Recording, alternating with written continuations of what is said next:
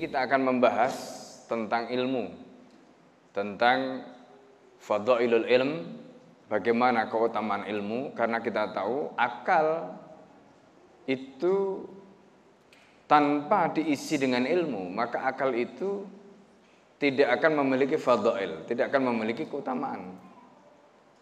Jadi akal itu memiliki keutamaan kalau akal itu diisi dengan ilmu.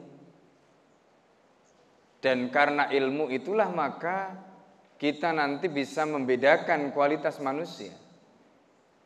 Meskipun sama-sama manusia, tetapi karena ilmu yang dimiliki oleh manusia yang dimasukkan di dalam akalnya tadi berbeda, maka itu yang kemudian menentukan kualitas akal manusia juga berbeda. Ini terkait dengan ilmu. Karena itu nanti kita akan membahas juga ilmu apa karena kita ini belajar ilmu tidak bertepi. Ilmu apa yang harus kita dahulukan? Kemudian bagaimana caranya kita menuntut ilmu supaya ilmu kita ini menjadi ilmu yang bermanfaat? Karena hanya dengan ilmu yang bermanfaat itulah insya Allah hidup kita akan menjadi bermartabat, hidup kita akan menjadi bermakna. Nah karena itu yang pertama kita akan bahas tentang adab menuntut ilmu. Saya akan bacakan seperti biasa Arabnya kemudian nanti kita akan bacakan terjemahnya meskipun tidak keseluruhan. Bismillahirrahmanirrahim. I'lam kata Imam Al-Mawardi. Annal ilma asyrafu ma raghiba fih raghib. Jadi ketahuilah kata beliau sesungguhnya ilmu itu adalah merupakan asyrafu ma raghiba fih raghib. Jadi kemuliaan yang boleh kita katakan paling dicari oleh orang yang mencari. Jadi kalau orang mencari kemuliaan, maka kemuliaan yang paling dicari itu adalah ilmu. Karena dengan ilmu itu maka kemuliaan-kemuliaan yang lain akan didapatkan. Orang itu ingin mendapatkan kemuliaan dalam bentuk apa pun. Jabatan bisa membawa kemuliaan, tapi juga bisa membawa kehinaan kalau orang yang punya jabatan tidak mempunyai ilmu. Orang punya harta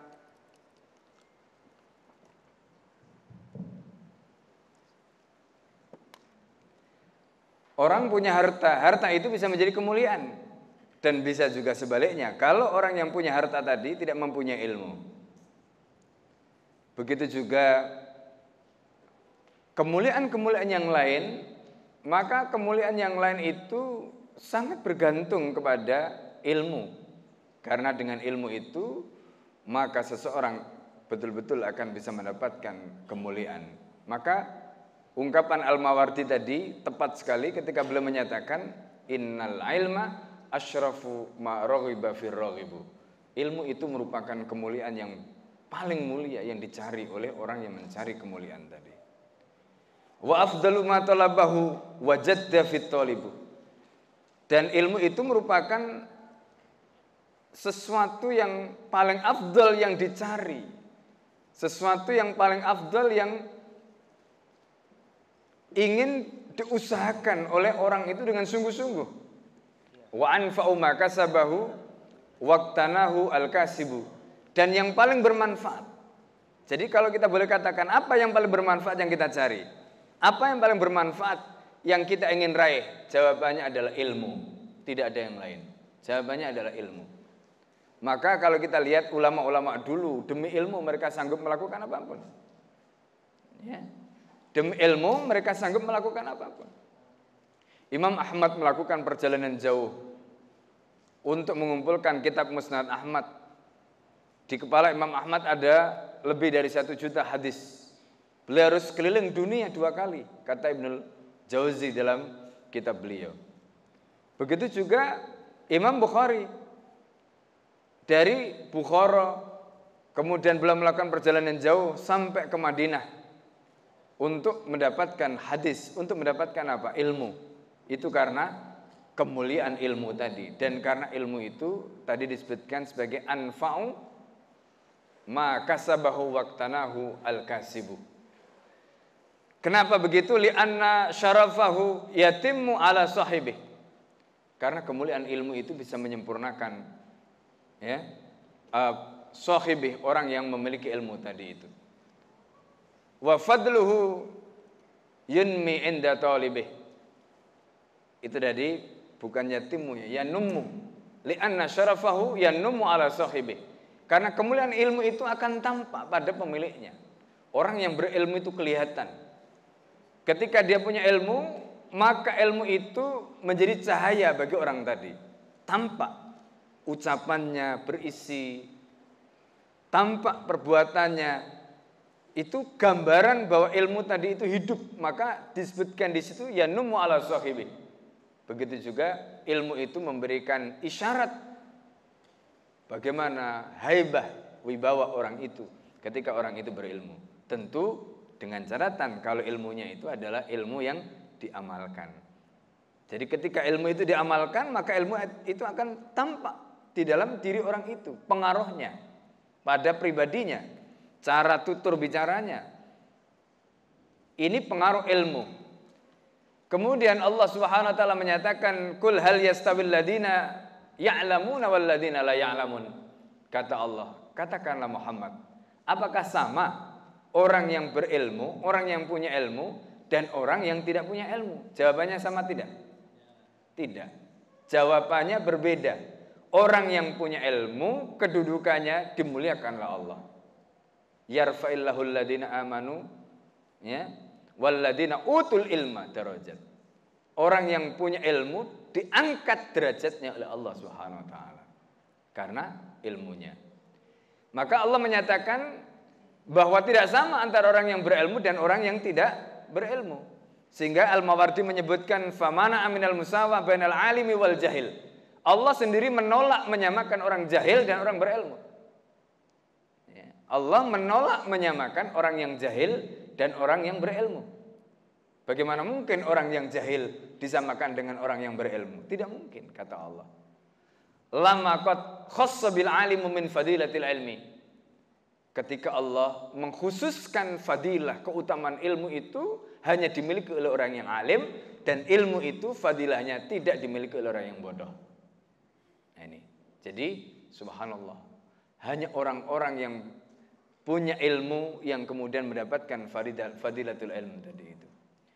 Di dalam ayat yang lain Allah menyatakan wa ma ya'qiluha ilal alimun. Dan perkara itu tidak bisa dipahami kecuali oleh orang yang alim. Itu artinya apa? Fana fa'ayyakuna gharal alimi ya'qilu anhu amran. Allah menafikan bahwa perkara itu tidak mungkin bisa dipahami oleh orang awam.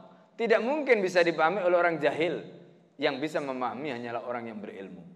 Bahkan kalau kita baca dalam surat Ali Imran ayat 7 ketika Allah menceritakan di situ tentang minhu ayatun muhkamat wa ukhra mutasyabihat.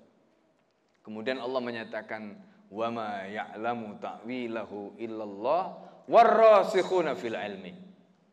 Yang mengerti makna ayat-ayat mutasyabihat tadi itu. Wa ma ya'lamu ta'wilahu illallah.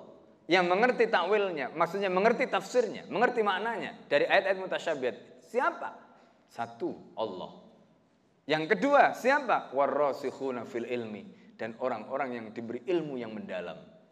Maka di situ Allah menggunakan kata warrasikhuna fil ilmi. Ya, bukan sembarangan.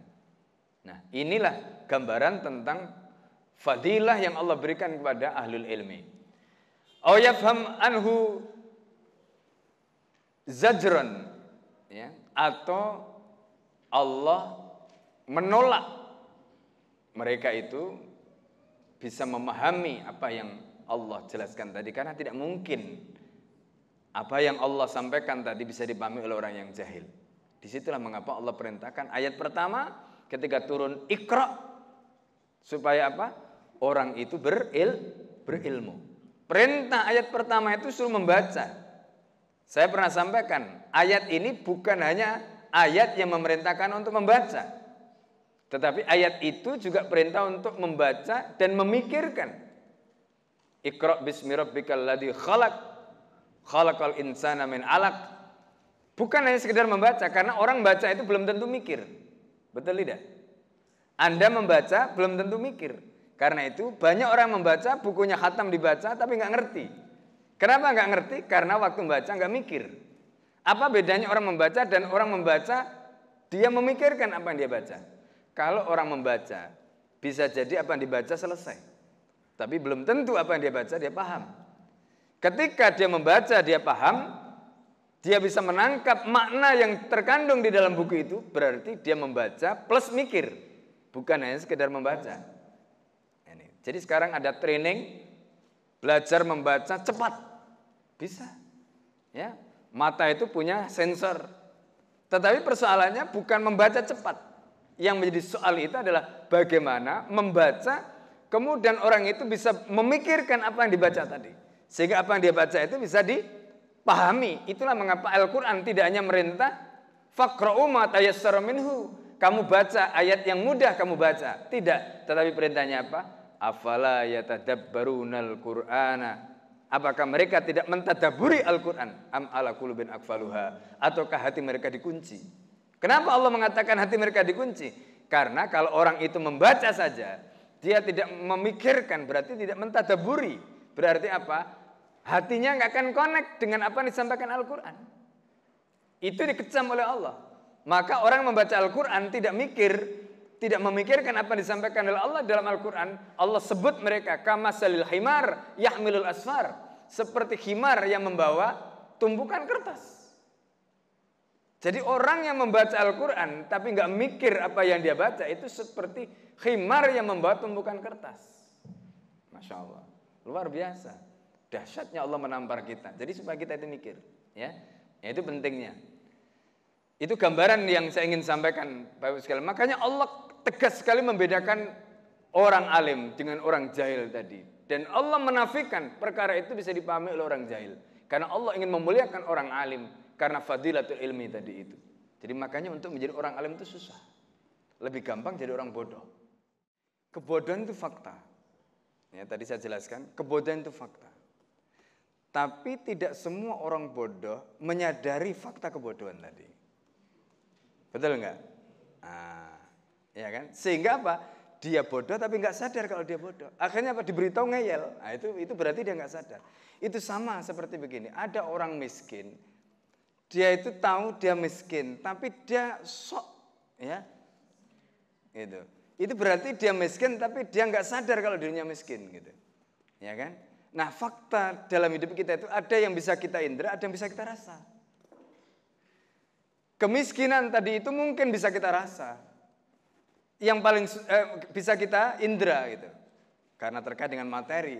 Tapi kebodohan itu, itu bisa kita rasa. Karena kebodohan itu kan nggak bisa dilihat secara materi, secara fisik, tapi bisa dirasa. Nah, merasakan sesuatu yang maknawi itu lebih susah. Sama seperti gini, ada orang yang contoh ya, saya tadi gambarkan.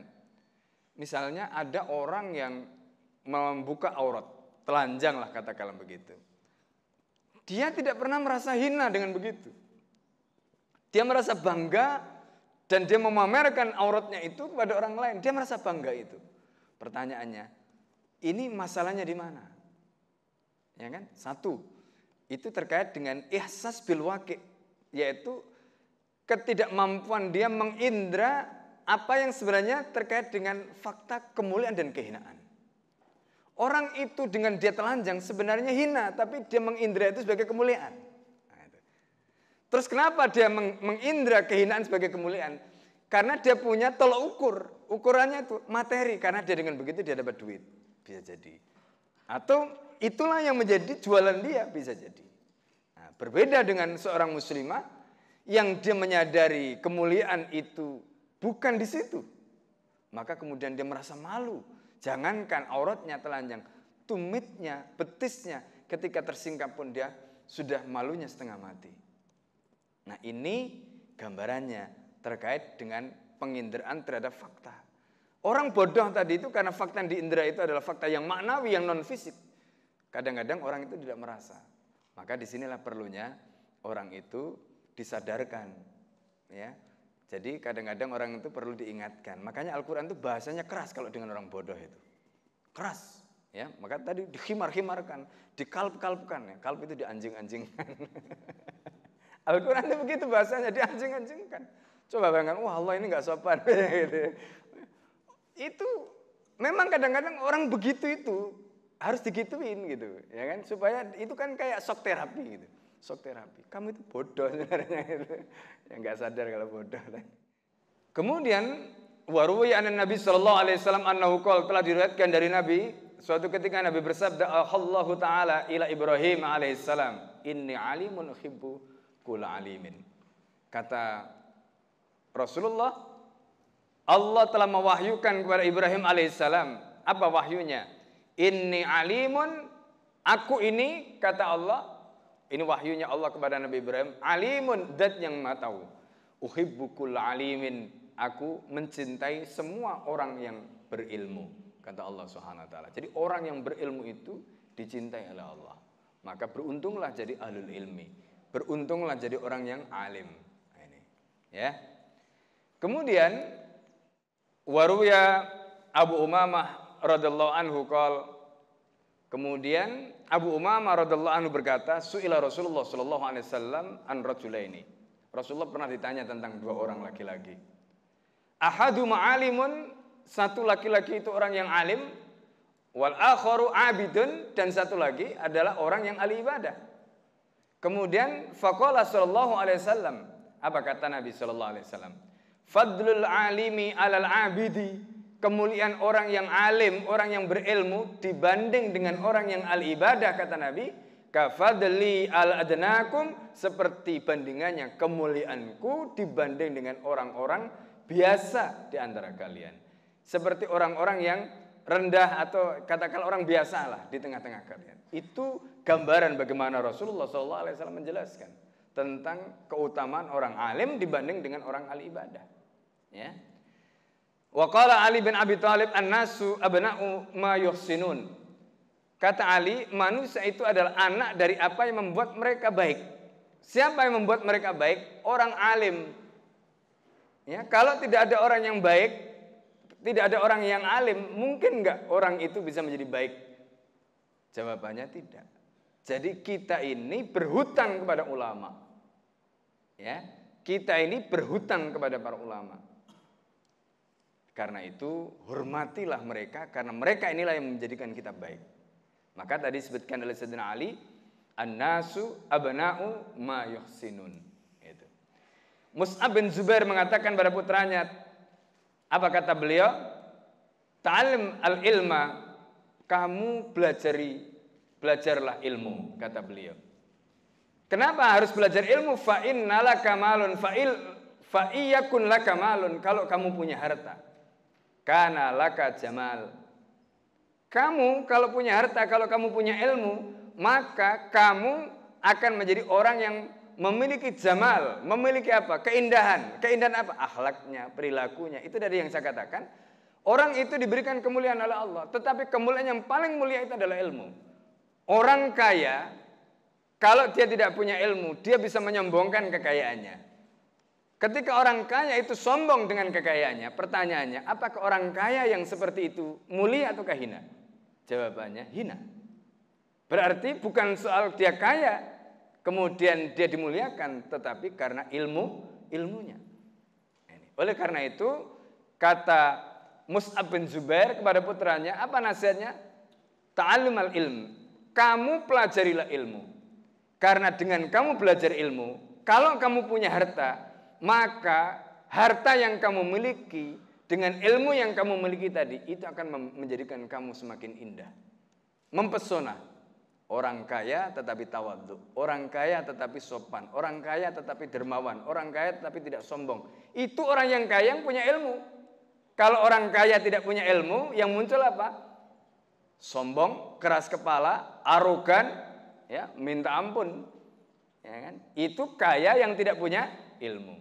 Kemudian kalau kamu miskin tidak punya harta kata beliau apa? Wa ilam yakun laka malun kalau kamu tidak punya harta karena laka malan, kamu nanti akan punya uang. Kamu nanti akan punya harta. Kenapa? Orang yang berilmu biasanya harta itu akan datang menghampirinya. Ini, ya. Itu gambarannya. Kemudian Abdul Malik bin Marwan ini adalah salah seorang khalifah pada zaman Bani Umayyah.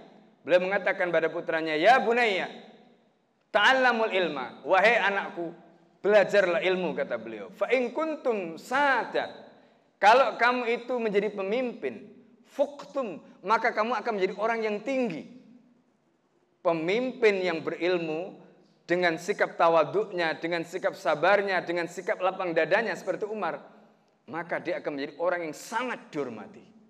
Maka jawaban dari apa nasihat dari Marwan tadi itu uh, Abdul Malik bin Marwan tadi tegas menyatakan kalau kamu memimpin maka kamu akan menjadi orang yang tinggi, orang yang dimuliakan, orang yang dihormati. Itu kalau orang itu punya ilmu.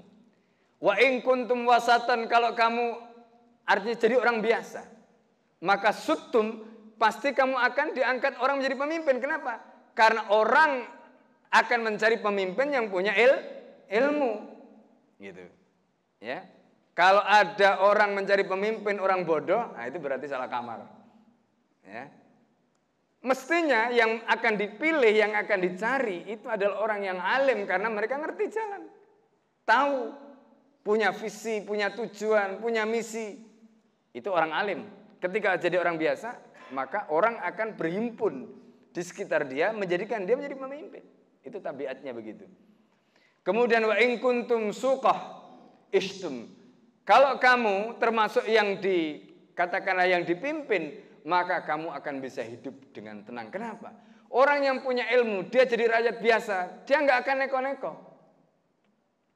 Dia tahu bagaimana haknya penguasa, dia tahu bagaimana haknya dirinya, dia tahu bagaimana kewajibannya, dia tahu bagaimana kewajiban penguasanya.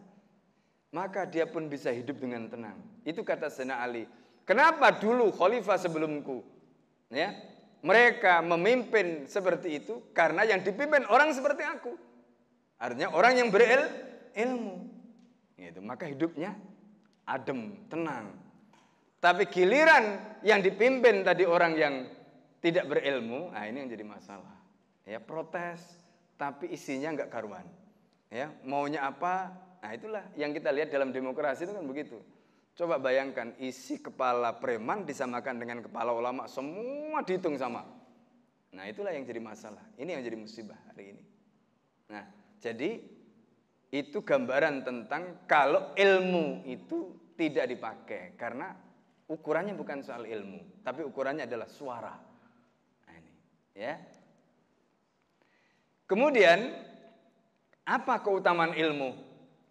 Qala ba'dul hukam al ilmu syarafun la qadimalah. Ilmu itu adalah kemuliaan yang tidak ada kemuliaan sebelum ilmu. Enggak ada sebelum ilmu, kemuliaan yang lain lagi. Ilmu itu adalah kemuliaan yang pertama. Maka coba perhatikan. Ketika Adam mau dimuliakan oleh Allah, apa yang diberikan oleh Allah kepada Adam? Il, ilmu. Wa allama Adam al asma'a kullaha summa aradahum alal malaika. Itu pernyataan Allah di dalam Al-Quran. Ilmu yang diberikan. Ketika Adam mau diturunkan ke muka bumi dijadikan sebagai khalifah, kan begitu ayatnya. Allah menyatakan wa itu qala rabbuka lil malaikati inni ja'ilun fil ardi khalifah. Allah itu sudah ngomong kepada malaikat, aku akan menjadikan khalifah di muka bumi. Terus ketika Allah mau menjadikan Adam sebagai khalifah di muka bumi, apa yang diberikan oleh Allah kepada Adam pertama kali? Il ilmu. Maka para hukama mengatakan al ilmu syarafun la qadimalah. Ilmu itu adalah merupakan kemuliaan yang tidak ada kemuliaan sebelum ilmu. Wal adabu malan malun la khaufa alaih. Dan kalau kita punya adab, adab itu merupakan harta. Harta yang tidak perlu dikhawatirkan. Orang yang punya adab itu masya Allah luar biasa. Dia punya kekayaan yang masya Allah. Ya, ini. Baik, saya lanjutkan. Walaysa yajhalu fadlal ilmi illa ahlul jahli. Nah ini. Tidaklah bodoh atau jahil terhadap keutamaan ilmu kecuali orang bodoh. Ya. Atau bahasa terjemahnya hanya orang bodoh yang tidak mengerti keutamaan ilmu. Betul nggak? Jadi orang itu yang tidak mengerti keutamaan ilmu adalah ahlul jah, jahli, orang bodoh. Nah, ini. Lianna fadlal ilmi innama yu'rafu bil ilmi. Karena keutamaan ilmu itu hanya diketahui dengan ilmu. Jadi orang itu tidak akan mengetahui keutamaan ilmu kalau orang itu tidak punya il, ilmu. Wahada ablag min fadlihi dan ini adalah merupakan keutamaan yang paling balik, paling nyata, paling jelas. Lianna fadlahu la yu'lamu illa bihi karena keutamaan ilmu tidak bisa diketahui kecuali dengan ilmu. Jadi kalau Anda ingin tahu kemuliaan ilmu, belajar ilmu. Ya. Anda ingin tahu kemuliaan Islam, belajar Islam yang benar. Anda ingin tahu bagaimana kemuliaan ilmu atau keutamaan ilmu tertentu, misalnya ilmu tajwid, ilmu usul, ilmu tafsir, ilmu macam-macam tadi. Maka Anda harus belajar baru Anda tahu. Kalau tidak, nggak akan bisa kita mengetahui kemuliaan ilmu itu. Nah, kemudian falamma adimal juhalu al ilma alladhi bihi yatawassaluna ila fadlil ilmi. Ketika orang bodoh itu dia tidak punya ilmu yang dengan ilmu itu bisa mengantarkan mereka untuk mendapatkan keutamaan ilmu, jahilu fadlahu, maka mereka bodoh, mereka tidak mengerti tentang keutamaan il, ilmu. Wayastardilu ahlahu dan kemudian mereka menghinakan orang yang punya ilmu. Kenapa ada orang-orang yang saya tidak perlu sebut namanya abu-abu, ya kan? Yang anda sudah tahu, abu gosok atau abu apa terserahlah. Kenapa begitu rupa menghinakan orang alim? Itu karena memang tadi itu ahlul jah jahli, ahlul jahli. Jadi anda harus maklum orang yang bodoh dia tidak akan bisa menghormati orang alim. Ya. Kalau ada orang alim menghormati orang apa meng, tidak menghormati orang yang alim, maka orang itu perlu dipertanyakan keilmuannya. Berarti kemungkinan orang itu tidak menggunakan ilmunya untuk membangun sikapnya. Ya kan? Dia ngerti orang alim ini harus dihormati. Apalagi kalau orang alim itu keturunan Nabi, Masya Allah. Nah ini. Jadi ini poin yang disebutkan di sini. Beliau menyatakan dalu ahlahu orang bodoh itu karena mereka tidak mengerti keutamaan ilmu, keutamaan orang yang punya ilmu, maka mereka akan meremehkan, menghinakan, melecehkan orang yang punya ilmu. Watawahamu annama tamilu ilaihi nufusu minal amwal al-muqtanat wa turaf al-mustahad awla ayyakuna ikbaluhum alaiha. Kemudian mereka membayangkan apa yang mereka miliki, harta yang mereka dapatkan, yang mereka kumpulkan, termasuk ya berbagai pihak yang katakanlah misalnya kadang-kadang kan orang bodoh itu diberikan oleh Allah kenikmatan berupa apa? Harta. Orang bodoh diberi harta, sombongnya minta ampun, melecehkan orang lain. Ya. Nah, mereka itu memandang dengan apa yang dia miliki itu membuat dia itu yang kita katakan tadi tawahamu annama tamilu ilaihi nufusuhum minal amwal. Harta yang mereka miliki itu membuat jiwa mereka kemudian ya menjadikan diri mereka itu punya angan-angan, punya ilusi, punya bayangan seolah-olah mereka lebih mulia daripada orang yang alim. Padahal harta tidak bisa membeli ilmu. Ya, keilmuan, keutamaan ilmu yang dimiliki orang alim tidak bisa dibeli oleh harta. Tidak bisa. Ya, ini. Keliru orang itu melecehkan orang alim karena dia punya harta. Keliru orang itu menghinakan orang alim karena orang itu punya sesuatu yang membuat diri mereka bangga. Tidak bisa. Qala waqad qala Ibnu Mu'tas fi Manthuril Hikam al-alimu yuraful al-alimu ya'riful jahila. Orang alim tahu orang bodoh. Jadi orang alim pasti tahu orang bodoh. Oh ini orang bodoh. Kenapa? Li'an nahu kana jahilan karena orang alim itu dulunya dia bodoh. Jadi dia bisa merasakan oh, orang ini bodoh karena saya dulu kayak dia. Ya kan? Tetapi sebaliknya wal jahilullah ya'riful alima. Orang jahil nggak akan ngerti orang alim. Kenapa? Karena dia belum pernah jadi orang alim. Ya tak? Jadi kalau Anda lihat ada orang bodoh melecehkan orang alim, Anda ketawa saja karena dia belum pernah jadi orang alim. Jadi dia nggak tahu fadilahnya, keutamaannya orang alim. Tapi orang alim yang pernah jadi orang bodoh dia tahu ketawa saja dia karena dia pernah jadi bodoh seperti orang itu. Karena dia dulu juga mungkin begitu. Nah. Li'annahu lam yakun aliman katanya karena orang bodoh itu belum pernah jadi orang alim tadi. Ya. Nah, ini. Kemudian ada syair yang di sini disebutkan yang ya disebutkan oleh Ibnu Lak Ibnu Langkaka ya kepada Abi Bakar bin Duraid dikatakan di situ jahil tafa'adaital uluma wa ahlah. Kamu itu bodoh. Karena kamu bodoh, maka kamu memusuhi ilmu. Jadi orang yang memusuhi Islam itu karena bodoh. Ya kan? Masa Nabi disamakan dengan bapaknya? Iya dah? Iya dah? Kemudian Nabi, mohon maaf, ya meskipun dipanggil siapalah dia, Nabi dibilang Nabi itu waktu kecilnya itu umbelen, tahu umbelen? Umbelen itu bahasa Jawa ya. Bahasa Jawa artinya pembeler ini ya, ingusen, ingusen. Rembes, rembes itu apa? Belen ini ya, matanya itu. Ini penghinaan kepada Nabi. Kenapa orang itu mengatakan begitu? Karena dia jahil. Jahil tentang Rasulullah. Anda pengen tahu buktinya? Baca di dalam kitab Asy-Syifa bi Ta'rifi Hukukil Mustafa. Jadi dikatakan di situ ya ini riwayat yang disebutkan dalam kitab itu. Meskipun Rasulullah itu diasuh oleh Abu Talib. Ya, karena katanya kan ini kan karena Rasulullah ini anak yatim, diasuh oleh pamannya. Biasalah kalau ikut paman apalagi pamannya miskin misalnya gitu. Atau diasuh sama kakeknya, tahu sendirilah biasanya. Gak keurus menyamakan nabi. Ya. Tanpa dalil, tanpa bukti dengan orang biasa. Masya Allah, ini satu kelancangan yang luar biasa. Kenapa bisa lancang seperti itu? Karena jah, jahil. Itu itu dijelaskan tadi. Jahil tafa'adatal uluma wa ahlah. Karena kamu bodoh, maka kamu musuh ilmu dan kamu musuh orang yang punya ilmu.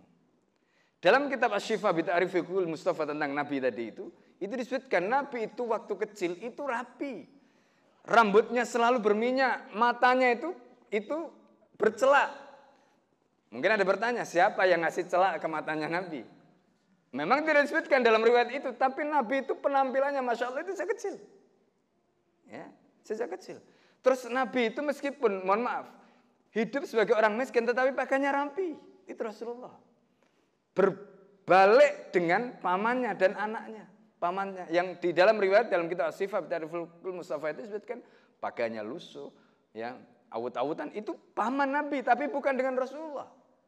Justru Rasulullah itu sejak kecil penampilannya menarik Orang yang melihat Nabi itu Masya Allah, itu dari kecil. Ya, bersinar. Itu Rasulullah. Ya, meskipun belum menjadi Nabi. Nah, kemudian pakai nalar. Loh, kalau nanti bersinar kan dicari oleh orang Yahudi. ini ngaco ya.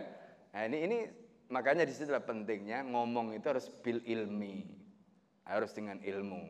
Ya. Makanya jangan lihat siapa yang ngomong. Lihatlah apa yang diomongkan itu. Ya, nah ini pentingnya tadi.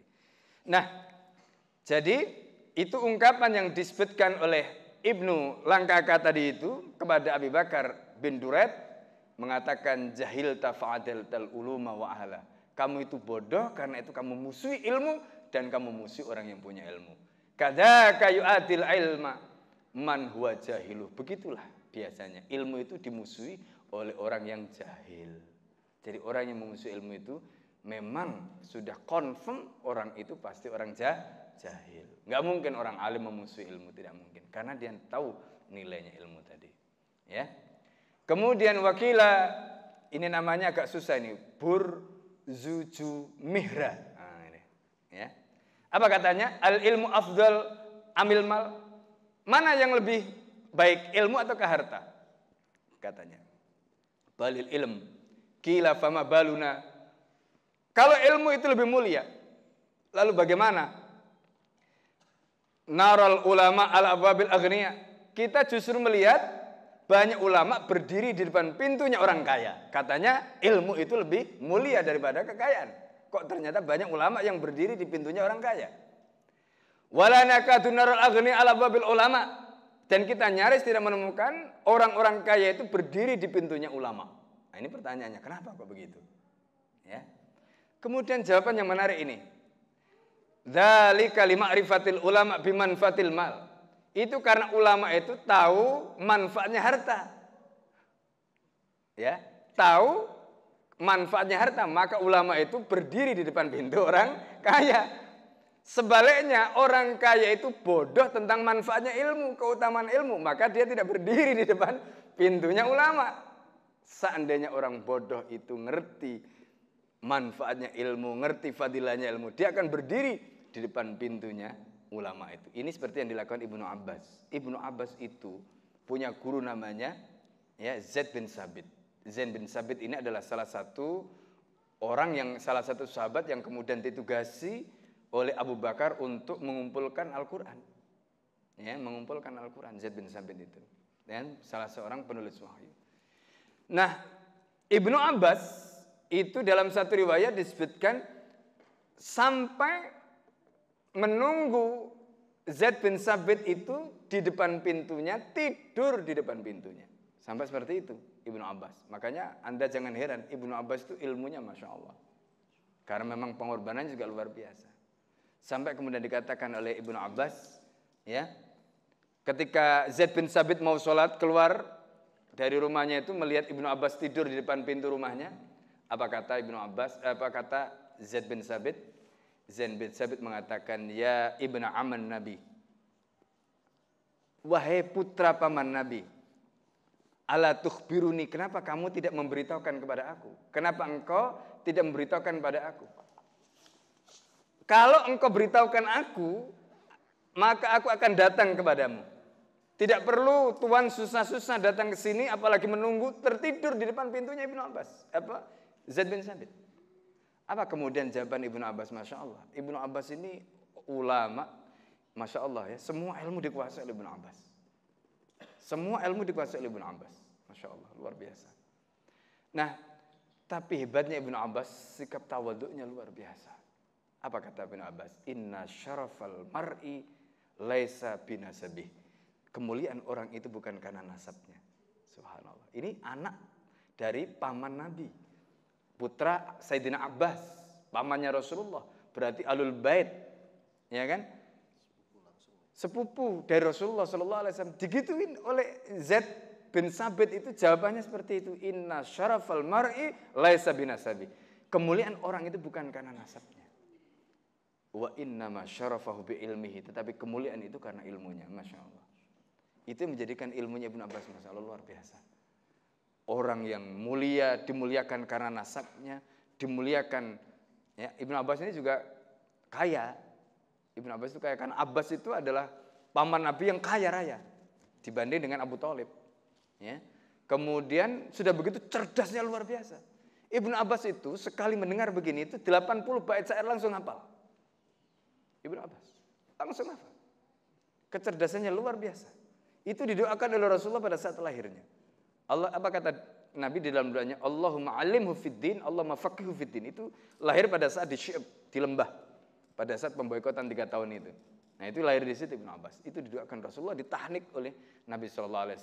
Maka Ibnu Abbas memiliki kecerdasan yang luar biasa di atas rata-rata. Umar bin Khattab geleng-geleng kepala kalau ketemu Ibnu Abbas. Maka Ibnu Abbas ketika Ali bin Abi Thalib menjadi khalifah diangkat menjadi menjadi penasihatnya. Padahal Ibnu Abbas itu muridnya Ali bin Abi Thalib.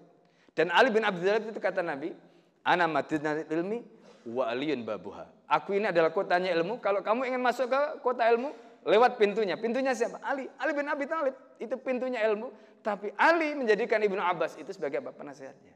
Masya Allah. Ya, dan Ibnu Abbas masih muda. Ibnu Abbas masih muda. Dan Masya Allah luar biasa.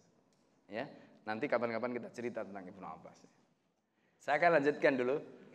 Wakil ali ba'dil hukama sebagian ada mengatakan pada sebagian ahli hukama, lam yastamil ilmu wal mal. Ilmu dan harta tidak akan berkumpul katanya. Fakola, kenapa il? Jadi biasanya orang yang alim itu tidak kaya. Kalau ada orang yang alim yang kaya itu langka. ya, yang kebanyakan itu orang alim tidak kaya. Jadi kebanyakan orang alim itu tidak kaya. Ya. Ya, meskipun di masa lalu banyak ulama-ulama yang kaya termasuk gurunya Imam Syafi'i. Imam Malik itu kaya raya. Ya, Imam Malik itu kaya raya. Konon karpetnya Imam Malik itu saking empuknya itu sampai kalau diduduki itu ambles gitu, saking empuknya. Nah itu. Nah, yang lebih kaya daripada Imam Malik ada juga. Gurunya Imam Syafi'i yang lain. Ya. Al Hasan Asy-Syaibani itu gurunya Imam Syafi'i dari madhab Hanafi. Ya. Itu lebih kaya daripada Imam Malik. Ya. Jadi kalau di rumahnya Al Hasan Asy-Syaibani itu itu emas itu ditaruh di ya di ruang tamu gitu Nah, jadi memang langka ya. Makanya dalam konteks ini Al-Mawardi mengatakan lam yastamil ilmu wal mal, ilmu dan harta tidak akan ketemu katanya, tidak akan berkumpul. Ya, kenapa? Liizil kamal, untuk menjaga kemuliaan kesempurnaan ilmu. Nah, biasanya ya, biasanya orang itu Kalau dia kaya, dia punya ilmu, ya memang baik, bukan tidak baik. Harta yang paling baik itu adalah harta yang ada di tangan orang yang berilmu. Ya, dia tahu bagaimana manfaatkan harta itu. Ya, semakin menyempurnakan kain tadi. Tapi ada juga yang kemudian dengan hartanya itu, ilmunya itu bisa digerus. ada juga, ya. Naudzubillah. Nah, kemudian dalam ungkapan yang lain disebutkan ya dalam syair yang panjang ansyattu li ba'di ahli al-asr kata Mawardi dalam kitabnya wa fil jahli qabla al-mauti mautun li ahli kebodohan itu adalah kematian bagi orang yang bodoh sebelum dia mati ya, jadi kebodohan itu kejahilan itu adalah kematian bagi orang yang jahil itu sebelum dia mati. Jadi sebelum mati orang bodoh itu sebenarnya sudah mati. Apa katanya? Fa'ajsamuhum qoblal kuburi kuburun karena tubuhnya itu sebenarnya adalah kuburan sebelum dia masuk kuburan. Ya. Kenapa? Karena tubuh orang bodoh, orang yang tidak berilmu itu seperti tadi itu seperti keranda saja nggak ada isi, nggak ada apa-apanya. Ya kan? Wa inna imra'an lahum Yahya bil ilmi mayyitun. Jadi orang itu ya, orang itu kalau dia tidak hidup dengan ilmu sesungguhnya dia mayit. Falaysa lahu hatta nusuri nusurun dan dia tidak layak bangkit ya sampai hari kebangkitan. Maksudnya ya memang di situlah nanti tempat dia. Nah, sebagian ulama mengatakan wa waqafa ba'dul muta'allimin bibabi alimin sumanada. Sebagian orang yang pembelajar itu datang di depan pintu orang yang alim. Dia mengatakan tasaddaku alaina bimala yud'aibu dorsan wala yuskimu nafsan katanya. Bersedekahlah kepada kami yang dengan sedekah Anda itu apa katanya? Di sini disebutkan yang sedekah itu jadi bersedekahlah kepada kami apa yang tidak membuat gigi geram kami itu lelah. Maksudnya ini ini bahasa kiasan. Jadi sedekahlah kepada kami yang tidak membuat gigi geram kami lelah. Dan tidak membuat jiwa kami menderita. Apa kemudian yang dilakukan oleh orang alim ketika ada orang yang meminta, ada murid, ada pembelajar yang meminta seperti itu, sedekah begitu, dikasihlah dia harta. Ketika dikasih harta, dikasih makanan, apa jawaban orang yang datang tadi itu dia katakan begini. Dia mengatakan ilmun ya audoha labsan khairun min malin aghna nafsan. Ilmu yang bisa menjelaskan ketidakjelasan, ilmu yang bisa menjelaskan kekaburan itu lebih baik daripada harta yang bisa membuat jiwa itu tenang. Jadi kadang-kadang orang itu punya harta ya, dia lapar, laparnya hilang karena dia bisa makan, dia punya problem apa selesai karena punya harta. Pendek kata jiwanya tidak gelisah karena kebutuhannya terpenuhi. Tetapi ini ternyata masih jauh kalah dibanding dengan apa? Ilmu tadi. Karena ilmu itu bisa menjadikan dia merasakan semua kebahagiaan. Ya, yang diras yang tidak didapatkan dengan harta, yang tidak didapatkan dengan materi, semua bisa didapatkan dengan ilmu. Nah, ini. Kemudian karena ilmu itu tidak bertepi tadi, ilmu mana yang harus kita dahulukan? Ya, ilmu mana yang harus kita kejar terlebih dahulu? Qala ba'dul hukama law kunna natlubul ilma lanablugha ghayatah. Jadi anda kita menuntut ilmu, maka kita akan sampai pada tujuannya. Sebagian orang mengatakan begitu. Kunna qad ilma bin naqisah. Kami telah memulai menuntut ilmu itu karena merasa kurang walakinna natlubuhu linangqusa fi yamin minal jahli. Jadi pendek kata, kita itu mencari ilmu karena kita bodoh. Betul tidak? Tapi pertanyaannya begini, ketika kita bodoh, kita mencari ilmu, pertanyaannya setelah mencari ilmu, tambah pinter enggak? Tambah pinter kan? Pertanyaannya setelah tambah pinter, apakah kemudian kita ini tidak bodoh lagi? Jawabannya Enggak juga. Kita ini masih bodoh. Kenapa? Karena begitu kita mulai pinter, oh ternyata masih banyak yang harus saya pelajari. Oh masih kurang ini. Oh masih banyak ilmu itu. Semakin banyak, semakin banyak. Jadi kalau begitu kita mencari ilmu ini mengurangi apa? Mengurangi kekurangan kita yang sebelumnya itu kita kurangi sedikit demi sedikit dengan mencari ilmu tadi. Maka tidak ada istilah selesai dalam menuntut ilmu, tidak ada. Karena yang kita dapatkan dari ilmu itu hanya bisa mengurangi kekurangan kita sebelumnya sedikit demi sedikit. Ya. Jadi mencari ilmu itu di situ konteksnya. Nah karena itu dikatakan di sini walakin nananatul bu linang kusofi kuliyamin minal jahli wa nazdada fi kuliyamin minal ilmi dan kemudian kita bertambah setiap hari itu dengan ilmu yang kita miliki tadi. Qala badul ulama al muta'ammiku fil ilmi kasabihi fil bahri. Ya. Jadi Orang yang mendalam ilmunya itu seperti kasabeh fil bahri. Orang yang jadi orang yang apa namanya mendalami ilmu itu seperti orang berenang di laut. Orang yang mendalami ilmu itu seperti orang yang berenang di laut. Apa katanya? Laisa yara ardan, dia tidak pernah melihat tanah, tidak melihat bumi, tidak pernah melihat daratan. Wala ya'rifu tulan wala ardan, dia tidak tahu panjangnya, tidak tahu luasnya karena orang di tengah laut. Seperti itulah orang kalau belajar ilmu.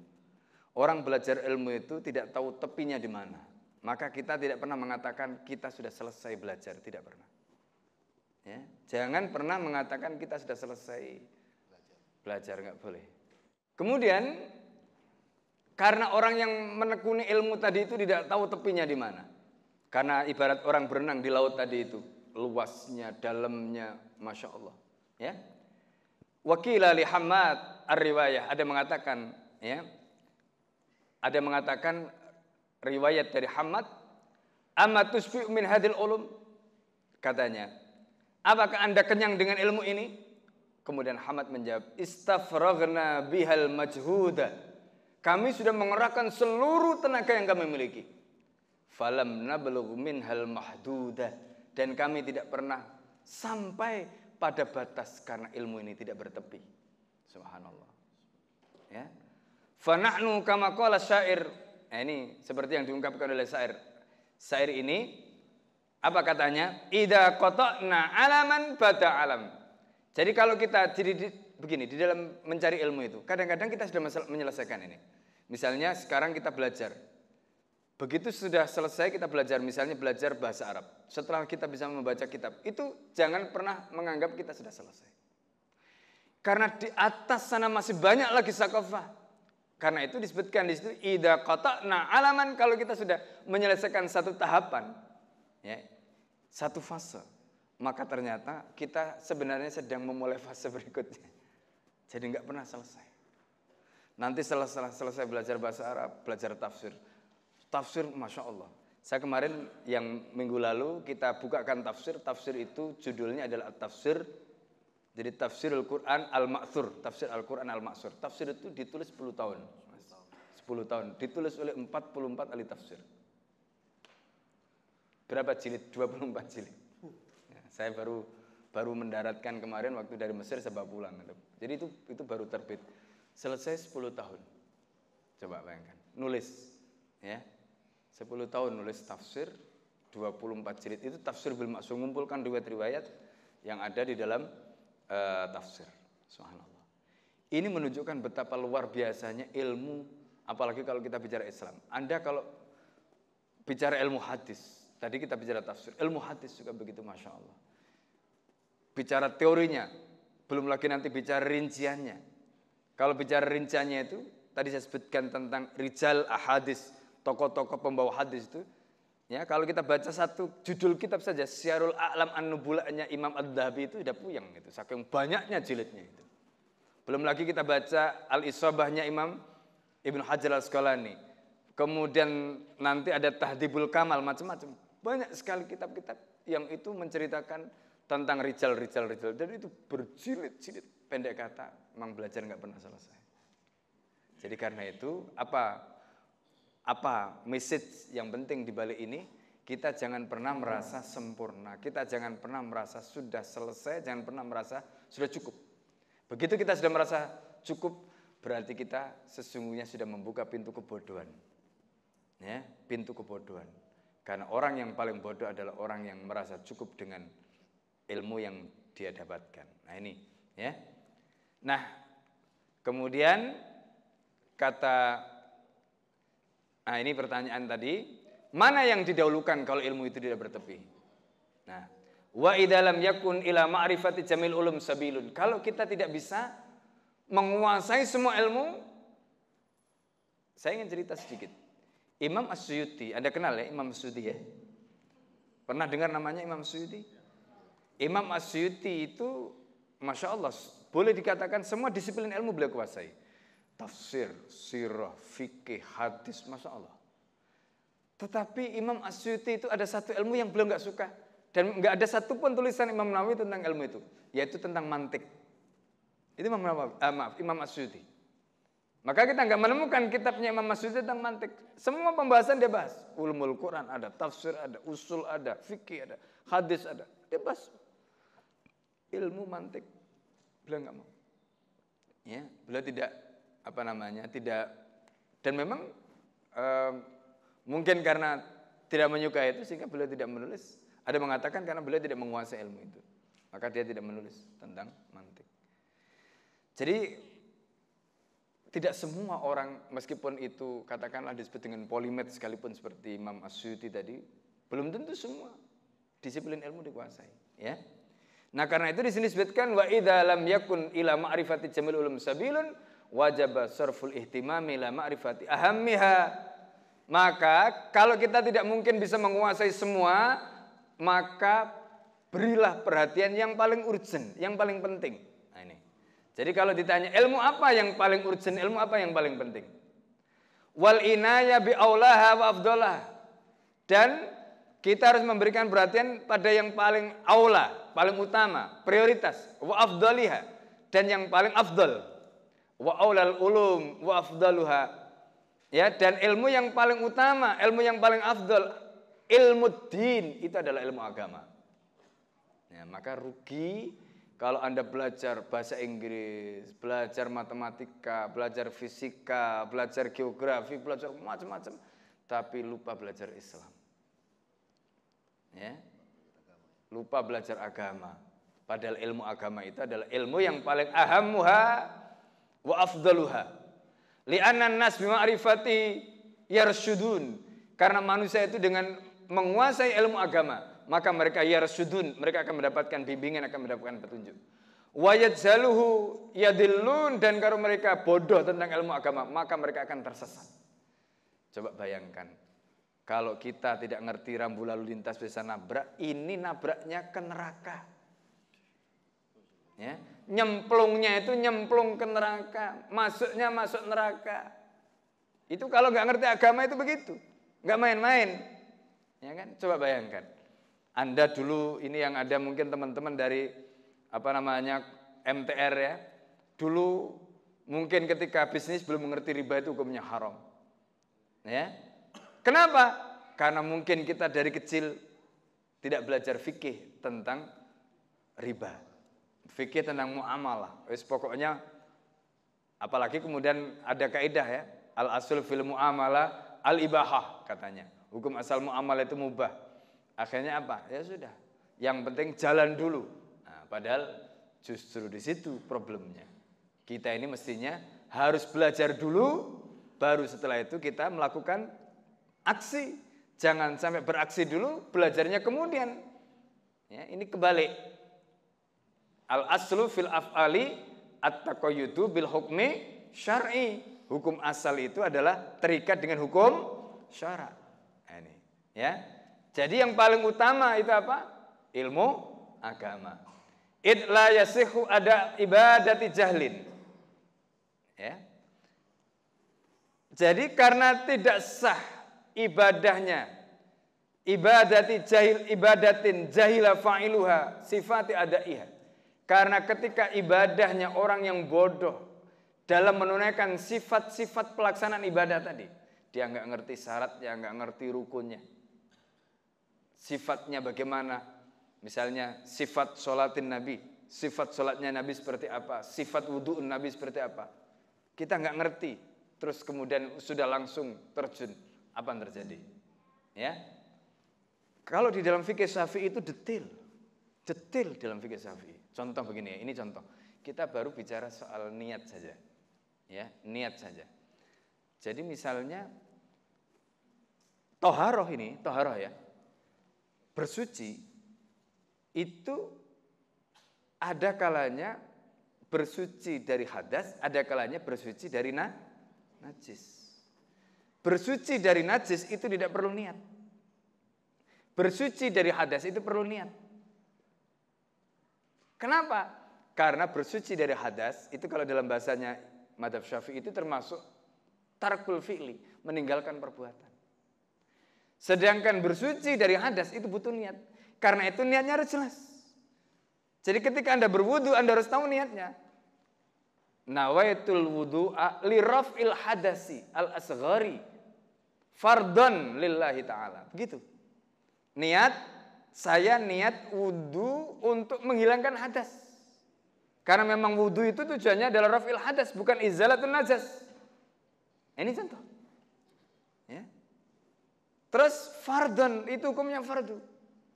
Nah, kemudian ada pertanyaan. Terus kalau dia wudhu, nggak ngomong begitu bagaimana? ya kan? Nggak niat menghilangkan hadas. Es pokoknya wudhu saja. ah, ini. Nah, itu dibahas. Ya. Ini contoh ibadahnya orang yang jahil. Nah, itu ya, ibadahnya orang yang jahil. Sama seperti dalam pembahasan niat tentang sholat. Di dalam pembahasan niat tentang sholat, ya, itu ada yang namanya ta'yin istilahnya itu. Ada namanya takyin. Takyin itu menentukan. Jadi kita ini sedang sholat apa? Itu harus didefinitifkan. Misalnya usolli fardhu duhri itu harus ada. Jangan sampai pokoknya usolli tok misalnya gitu ya. Saya niat sholat saja. Enggak bisa. Harus ada takyinnya. Itu dibahas. Coba bayangkan ini badal baru pembahasan niat. Kemudian nggak ngerti. Lu kita ini sudah sholat sekian lama ternyata. Nah, ini contoh. Itu yang dikatakan tadi, it la yasihu tidak sah ada ibadati. Ya, ibadatin jahila fa'iluha, jahila fa'iluha sifati adaiha. Jadi ketika orang melakukan itu tidak ngerti sifat bagaimana menunaikannya. Walam ya'lam syuruta ijzaiha. Dia juga tidak ngerti bagaimana syarat supaya cukup dengan apa yang dilakukan itu bisa menggugurkan dosanya tadi. Walidhalika qala Nabi sallallahu alaihi wasallam fadlul ilmi khairun min fadlul ibadati. Jadi keutamaan ilmu itu lebih baik dibanding dengan keutamaan ibadah. Tentu ibadahnya orang yang tidak punya ilmu. Tapi kalau ibadahnya orang yang punya ilmu ya jelas. Ya, jelas baik karena ibadahnya orang yang punya ilmu itu tentu dasarnya adalah ilmu. Nah ini, makanya jadi kalau tadi pertanyaannya mana yang lebih didahulukan? Ilmu agama. Nah, kemudian dari sekian banyak ilmu agama mana lagi? Mulailah dari yang paling dasar. Apa itu? Akidah atau tauhid. Itu yang paling dasar. Karena itu kata Imam Syafi'i, makrifat ya itu adalah kewajiban pertama orang mukallaf ketika dia sudah balik. Itu. Jadi ma'rifatullah itu adalah kewajiban pertama. Ma'rifatullah itu apa? Mengenal Allah. Mengenal Allah itu apa? Bab tauhid, akidah. Itu yang pertama. Ya, makanya anak-anak harus kita ajari dari kecil tentang akidah. Harus kita ajari dari kecil tentang apa tauhid. Ini. Harus kita ajari dari kecil. Nah itu. Setelah dia kita belajari, kita ajari tauhid, kita ajari akidah. Kalau akidahnya sudah kuat, akidahnya ini sudah kokoh, berikutnya maka anak itu kita ajari tentang hukum.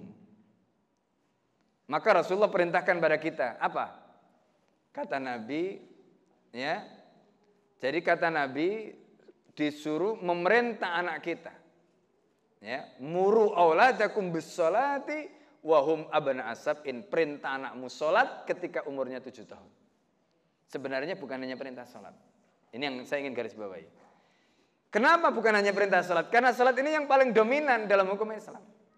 Tapi muru auladakum bisolat itu maknanya muru auladakum bil ahkam syariah. Perintahlah anakmu agar anakmu itu terikat dengan hukum syara mulai umur tujuh tahun. Itu. Itu makna hadis itu. Tapi Rasulullah hanya menyebutkan muru ala dagum bisalah. Kenapa? Karena sholat yang paling menonjol. Jadi kalau kita punya anak perempuan, ajari anakmu pakai jilbab umur tujuh tahun. Ajari anakmu menutup aurat umur tujuh tahun.